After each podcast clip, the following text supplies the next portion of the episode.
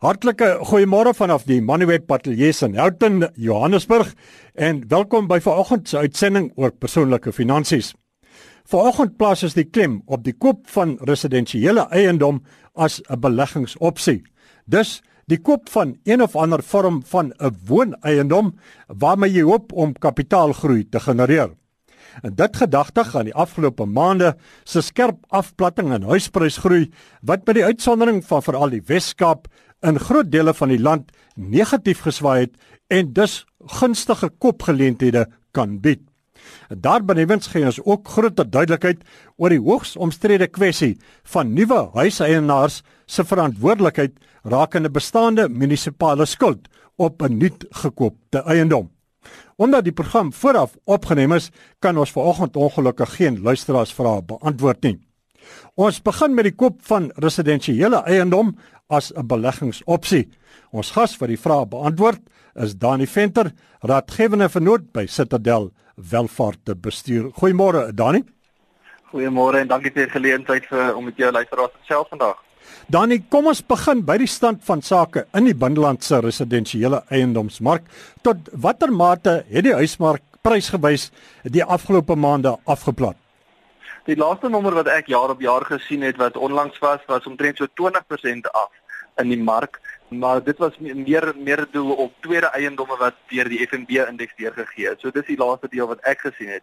En die agtergrond wat ek toe klompie vrae van my kliënte af ontvang het, is is daar geleenthede in daai mark en en wat se goed moet ons na loer? En dis wat ek deurgegee het as artikel vir die media span. Waar sal 'n mens onder die omstandighede na geleenthede gaan soek? Uh, daar nie goeie koppies gaan soek. Ek het uh, wel die paar geleenthede wat ek op my my voorstel gesien het wat verbygekom het was onlangs George omgewing. Uh dit lyk my daar's 'n verskoon in Engels, Hangel Hassel en 'n Passel in daai omgewing. Ek weet nie of al die geldtengers daai kant toe wil trek nie, maar die ander omgewing wat mense wat baie van die mense van praat is Pretoria Noord op die oomblik met die BMW voertuie plek wat daar bo wat al die voertuie maak vir die vir kliënte. Kom ons beweeg aan na die koop van wooneiendom as 'n beleggingsopsie. Op watter maniere kan die soort van eiendom beleggings uh, aangewend word om finansiële groei vir die eienaar te bewerkstellig? So wanneer mense eiendom aankoop, is daar twee groeie wat mense na na teiken. Die eerste is die van kapitaalegroei en die tweede is die van huurinkomste om jou inkomste wat na die familieeenheid inkom te verhoog. So albei elemente moet krities na geloer word as mense eiendom koop. Baie mense koop 'n strandhuis en dit is dan meestal van die kere 'n kapitale groei teiken teenoor 'n huurinkomste 'n teiken waar mense 'n studente behuising koop vir studente. So albei elemente dra groot voor 'n voordeel by in finansiële beplanning en en portefeulje samestelling en maar mens moet 'n strategie hê na die benadering van hierdie eiendom aankoop. Dani, hoeveel groei kan op 'n die manier bewerkstellig word? Daar is geleenthede waar mens uh, netto huurinkomste kry van van 10% op 'n eiendom, maar weer eens dit hang af hoe hard mens werk op daardie eiendom. Mens dit begin altyd by uh, Warren Buffett se filosofie, dit hang af die prys wat jy die die eiendom verkoop wat dan tenselfs jou jou opbrengs sal sal uh, sal bepaal. So mens kan 'n duur eiendom gaan koop. Hoopelik kom mens dan by uit om om die soortgelyke inkomste te kry om vir jou 'n goeie opbrengs te gee in in die vorm van rente. Maar die mens moet die benadering van die van die aankope baie baie mooi evalueer en 'n finansiële beplanner kan gewoonlik met hierdie berekening help. Danny, jy het 'n verslag opgestel waarin jy 6 faktore uitstippel waarop uh, voornemende beleggers moet let voordat hulle 'n wooneenheid vir beleggingsdoeleindes koop. Kom ons neem hulle so tyd saam, een vir een en dan uh, praat ons deur al die ses. Ons 100%. So punt heel eers heel eerste punt op my lysie sou altyd gewees het daar's 'n huurinkomste wat gegenereer word deur die eiendom. Meer gereeld van die tyd is daar 'n uh, ekstra boonopbetaling wat van die eienaar moet ingaan. Met ander woorde, as ons 'n eiendom koop vir sê nou maar 'n miljoen rand en ons kan 'n huurinkomste kry van 10000 rand per maand, is daar nog steeds fooie munisipale rekeninge en ander kostes wat betaal moet word deur die eienaar homself. Die eiendom breek gewoonlik nie gelyk in die eerste jaar nie. Die gemiddeld wat ek sien is die eiendomme gebreek gelyk gewoonlik in jaar 6 tot jaar 8 weer eens hang af van die aankoopprys, hang af van die huurinkomste en ook die verhoging in die maandelikse uh, die jaarlikse huurinkomste wat deurgegee word na die huurder toe. So die eerste punt is krities is evalueer die inkomste wat gegenereer word deur die eiendom en die behoeftes wat jy moet aanvul uit jou persoonlike sak. Goed, dan gaan gerus aan. Wat is punt nommer 2? Punt nommer 2 is uh, daar moet 'n noodfonds gestig word. Nou gewoonweg wat ek voorstel vir kliënte wanneer hulle kyk na om 'n eiendom te koop, is om vir die bank te vra vir wat die Engels persoon sal sê 'n access bond. Wat die access bond vir jou toelaat om te doen as die soos ons voorbeeld ons nou net bespreek het, R10000 'n maand jou betaling is aan die bank en jy betaal R20000 'n maand aan die bank, kan jy in die toekoms daai R10000 wat jy nou ekstra betaal het weer terugleen van die bank af. Die voordeel van dit is daar is 'n buffer wat dadelik ingebou of 'n vet element wat dadelik ingebou word wat jy kan op op op steen indien daar 'n probleem by die eiendom is. Onthou wanneer mense eiendom verhuur, is lewer jy intedeel 'n diens aan die huurder en as die die uh die swembad se pomp breek, moet jy die die swembad weer regmaak want dit is die stand wat die huurder ingeneem het toe hy die oorspronklik die die kontrak met jou opgestel het. So maak net seker dat daar iewers 'n buffer ingebou word in jou beplanning in die vorm van kontant in jou persoonlike uh, beursie altans die kontant in 'n in 'n nood in 'n noodfonds. As ons dan oorbeweeg na punt nommer 3 toe, ehm um, moet mens net bietjie gaan loer oor in watter omgewing terme van rentekoerse vind ons onsself. Ons weet al oor die laaste paar jaar het ons 'n 2% verhoging in prima koerse gesien van 8.5 na 10.5 toe. Nou per miljoen is dit 1300 rand 'n maand. Ag, daar hang af dit werk ons nou maar op eksponensiële kurwes. Per miljoen is dit so 1300 rand ekstra 'n maand en in 'n jaar is dit 15500. So dis 'n aansienlike bedrag soos rentekoerse verhoog. Ek sê nie dit beweeg 2 2% in 'n dag of oornag nie, maar mens moet hierdie in gedagte hou oor 'n langer termyn. So dit is definitief punt nommer 3. Weet net wat se rentekoers siklus vind ons onsself in. In die huidige huidige omgewing dink ons inflasie wat weer die kelder is vir rentekoerse gaan bietjie tem aftemper met die droogte wat nou onlangs verby is, die rand dollar wisselkoers wat baie sterker is.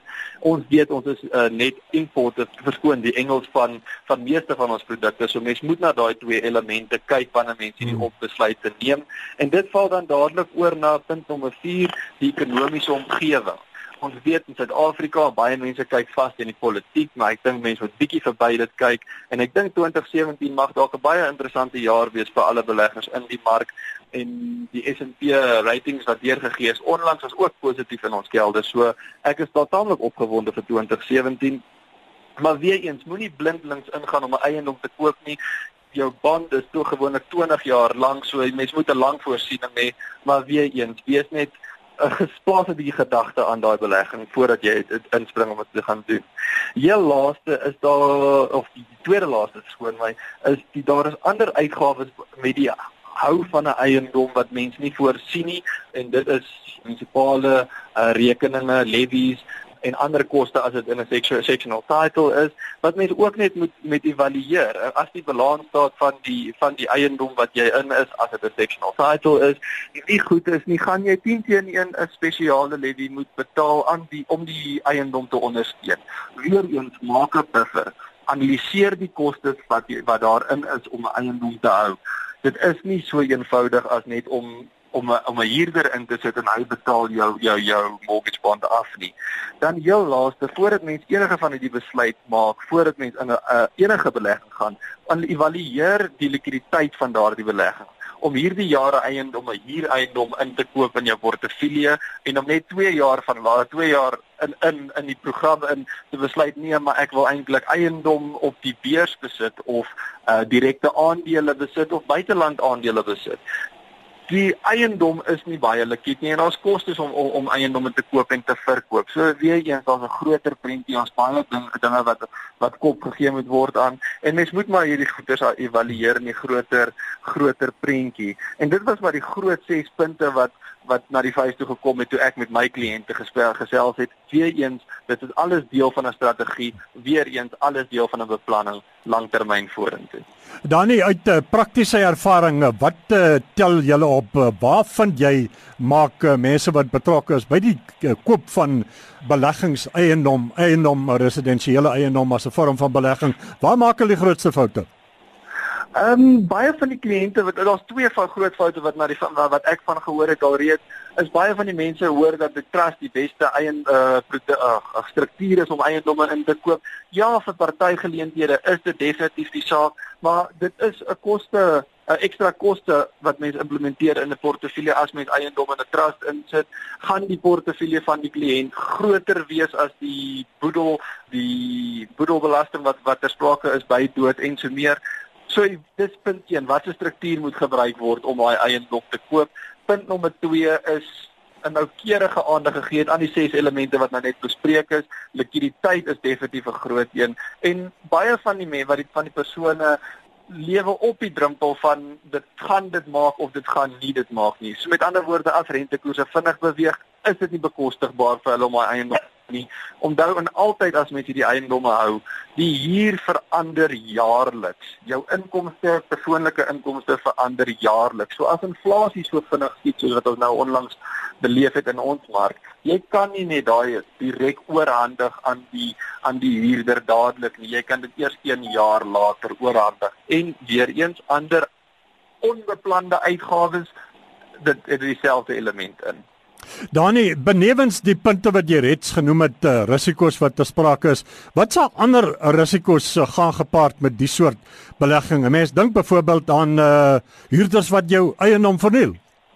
Ja, definitief, daar is huurders wat mense eiendom verniel en is nooit 'n aangename uh gedeelte om om mee te werk nie, maar daar is soos die Engelsman verskoon my uh, uh reël sê the higher the risk the higher return. Dit is 'n 'n ander element om eiendomme te hou in jou persoonlike hoedanigheid is nie 'n genoteerde eiendom nie. Daar is moontlikheid van 'n hoër opbrengs in die portefeulje, maar jy moet weet daar's ander risiko's betrokke soos jy nou genoem het, 'n persoon wat jou eiendom delig kan bestadig. Danie, as mens eiendom koop, eh, dan is dit 'n groot klomp geld wat ter sprake is. Wat sou jy sê, sou dit te wys wees om self hierdie koop en verkoop transaksies te dryf of dan jou koop transaksies of sou 'n mens in so 'n geval waar soveel geld ter sprake is uh, met 'n uh, finansiële adviseur moet saamwerk om uh, daarom seker te maak dat daar 'n tweede en 'n derde oordentlike opinie is wat saam met uh, die besluit gaan? Ek dink jy slaan jy het die nail on the head soos die Engels persoon sou sê jy sê dit perfek reg. Hierdie besluite moet gemaak word met 'n persoon wat jou kan ondersteun, 'n finansiële beplanner wat goed gekwalifiseer is wat eintlik die nommers vir jou kan hardloop en vir jou ondersteun met jou besluitneming. Onthou dit is die gewoonlik bestuur finansiële adviseurs nie eiendom portefeuilles vir kliënte nie. Hulle kan net vir hulle adviseer op daardie portefeuilles en watse elemente hulle moet na kyk en dit is die kruks van van van die beginsel van eiendom koop en nie koop nie. As jy dit nie verstaan nie, kry definitief iemand vir jou om jou te ondersteun met die besluit wat jy wil maak. 'n Laaste vraag veronderstel mense sien nie kans vir direkte beleggings in residensiële eiendom, maar jy's tog gretig om in die eiendomsmark eh, te belê. Watter ander opsies is daar dit hang af van die kwantum van die belegging. So as mens praat van jy het 'n miljoen rand wat jy in 'n uh, by jou het wat jy wil belê, sal ek definitief sê ek gaan kyk na direkte eiendom uh aankope op die beurs. As jy nie groter geld het nie, gaan kyk na 'n uh, soos die Engels persoon sal sê exchange traded fund. Die rede hoekom ek dit illustreer is nie dat een beter is as die ander een nie. Een punt nommer 1 is jy koop daai bateklas in jou portefeulje in en hy moet 'n spesifieke doel in jou portefeulje nakom. Punt nommer 2, die koste om aandele te koop en te verkoop is taamlik hoog in die Suid-Afrikaanse omgewing en daar is minimums wat uh, wat gehandel uh, moet word voordat jy verby die minimum uh, randwaarde kom. En dit is wat jy wil voorkom as mens as mens die direkte eiendom op die beurs gaan verhandel.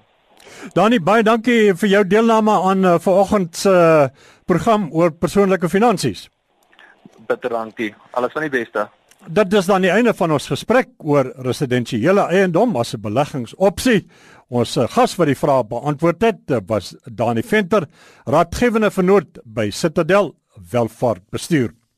Nou verskuif ons die fokus na die hoogs omstrede kwessie van 'n nuwe eienaar se verantwoordelikheid rakende bestaande munisipale skuld op nuut aangekoopte residensiële en ander eiendom. Ons praat met eh, Meyer de Waal, direkteur by Meyer de Waal Prokureurs oor 'n onlangse Hooggeregshof uitspraak in die verband. Goeiedag eh, Meyer. Goeiedag.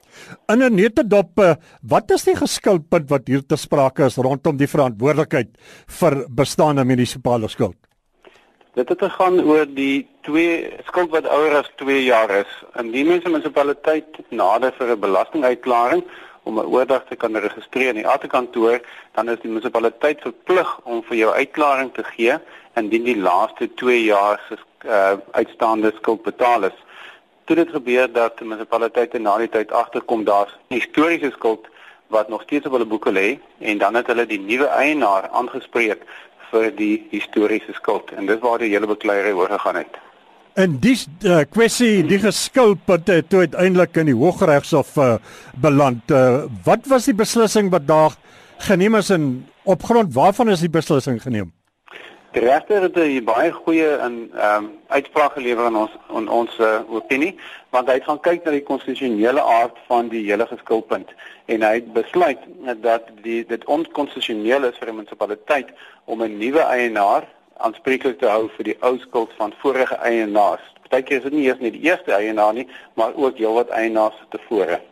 Volgens die jongste nuusberigte wil Tshwane en Ekurhuleni munisipaliteite wat nou by die saak betrokke was, wil hulle die Hooggeregshof uitspraak in die Grondwethof betwis. Op watter gronde sou hulle dit kan doen? Ja, dit plaas die kat nou weer terug in die duiwelhok. En nou uit die aard van die saak weet as ek nou gaan kyk het na die die aanvanklike geskulpunte wat daar was in die saak wat onlangs positief uitgespreek is, was daar 'n hele paar miljoen miljoene rande wat ter sprake was vir uitstaande belastingskuld. So die munisipaliteite staan ehm um, moontlik om geweldig baie geld af te moet skryf indien hulle ou historiese skuld gaan afskryf. So die aard van die saak gaan hulle nie sommer net plat lê en sê ons skryf die skuld af nie, daar's miljoene rande ehm um, rande ter sprake. Die regter het ook in die vorige uitspraak het hy wel bevestig dat die aangeleentheid na die konstitusionele hof verwys moet word om voldoende uitklaring te kry. So die munisipaliteit het maar net een stap gevat wat almal nou aanvaar het sou moet gebeur en dit is hulle om hulle te wend na die hoogste hof en dit is die konstitusionele hof. So as die uh, saak nou na die grondwet hof, die konstitusionele hof gaan, dis 'n proses uh, wat uh, normaalweg tyd vat, 'n heel paar maande waar laat die voortsleepende hofstryd kopers en verkopers van residensiële en ander eiendom intussen tyd? Wat die probleem is, dit plaas die situasie weer terug na die vorige uitspraak wat sê dat die munisipaliteit wel daardie uh, uitstaande skuld kan vorder. So dit is die hele positiewe uitspraak in ons lig en ons uh, opinie heeltemal nou weer oopgelaat en nou kan munisipaliteite weer steun op die vorige saak wat uitspraak gegee het wat sê munisipaliteite kan wel daardie daardie skuld ehm um, verhaal. So die die die koper van 'n eiendom is nou heeltemal weer blootgestel aan die vorige beslissing wat wel om aanspreeklik maak vir historiese skuld. Nou, hier's nou 'n saak wat tot dusver in die howe gedryf word en ons is nou by 'n punt waar ons 'n hooggeregshof uitspraak het, die munisipaliteite wat na die grondwet hof toe wil gaan, maar intussen tyd gaan die proses van eiendom koop en verkoop voort. Wat van die transaksies wat nou in die proses is om uh deurgevoer te word of nog deurgevoer gaan word voordat daar finaliteit is? Ja. Die een die positiewe kant is dat die munisipaliteite nie oordragte sal terughou indien mens die laaste 2 jaar se uitstaande belastinggelde sal tender en wel betaal nie, want hulle is verplig om vir jou uitklaring te gee. Wat wel sal gebeur is dat 'n nuwe koper een oggend baie ontnigter sal word indien hy 'n aanmaning kry van die munisipaliteit dat haar historiese skuld nog uitstaande is. En dit gaan natuurlik vir jou baie um, lelike smaak in die mond laat. So wat ek sien wat wel party van die mense in hulle kontrakte gedoen het is dat uh, die verkoper uh, indemnifiseer die koper teen enige historiese skuld. Die probleem wat dit laat is dat baie keer gaan mense eers agterkom 6 maande of 'n paar maande later dat die munisipaliteit het nou ewe skielik wakker geword en die uitstaande skuld begin verhaal van die eienaar en dan is die verkoper miskien nie meer te vind nie. Jy kan hom in die hande kry nie of hy dalk miskien 'n maatskappy of 'n trust wat die geld uitbetaal het en dis 'n leerdop. En nou moet jy begin met 'n regsaksie om weer daardie skade wat jy gely het um, om weer dit terug te verhaal van die van die betrokke verkoper wat dit altyd saak vir jou baie moeilike proses kan wees. Meyer, so kom ons bekyk hierdie ding uit die hoek van die koper wat uiteindelik dalk die slagoffer hier kan word vir ingeval die verkoper. Dis 'n peer om nou die mooi Engelse woord te gebruik. Wat staan 'n koper te doen om homself te verskans teen potensieel verskuilde munisipale kostes wanneer hy by 'n betrokke transaksie of wanneer hy by 'n transaksie betrokke raak? Die een manier is om definitief kontraktueel te onderneem dat desnietenstaande die uitreik van 'n munisipale uitklaring dat die verkoper steeds aanspreeklikheid sal behou. Maar soos ons net nou gesê het dat indien indien die verkoper op die einde van die dag blyk soos hulle in Engels ook sê 'n man of straw te wees wat geen bates het nadat die transaksie plaasgevind het nie, dan sit die koper maar weer hoog en droog al het hy ook 'n uh, baie sterk kontrak met die verkoper. Die ander manier is om terug te gaan aan die munisipaliteit toe en dan vir die munisipaliteit uh dokumente probeer uitkry uit hulle, maar dit is ook baie moeilik want as die munisipaliteit se rekords nie op datum is nie en hulle kom eers miskien 'n paar maande later agter hulle het vergeet om gelde in te vorder, dan gaan jy 'n skoon uitklaring kry by die munisipaliteit of hmm. geen uitstaande nie en dan um, gaan dit baie moeilik wees om die munisipaliteit dan weer te probeer weer lê dat jy nie daar geld dat die eiendom nie die geld verskuldig is aan nie. So dit plaas die die kopers in 'n geweldige moeilike probleem. Dis veral wanneer mense eiendomme koop wat hulle op veiling koop of insolvente boedels wat daar moontlike historiese skuld opgebou het en eintlik het niemand geweet daarvan nie of die insolvente persoon het verdwyn en die dekorateur met die boedel gewerk. Dit is 'n groot probleem inderdaad. Ons het gekyk op 'n stadium hmm. of daar nie 'n versekeringsproduk is wat dit kan dek nie. Die probleem is net jy weet nie hoeveel versekerings jy moet uitneem nie want um, in party van daai gevalle was daar 'n paar miljoen rand uitstaande in uitsta agterstallige belastinggelde. Meyer, baie dankie vir jou deelname aan uh, vanoggend se program. Groot plesier, dankie vir die geleentheid. Dit was Meyer de Waal, direkteur by Meyer de Waal Prokureurs oor die omstrede kwessie van agterstallige munisipale skuld op nuut aangekoopte residensiële en ander eiendom. En uh, dis dan die einde van vanoggend se Moneyweb persoonlike finansies uitsending. daarmee skakel ons terug vanaf die Moneyweb ateljee na die RSG ateljee.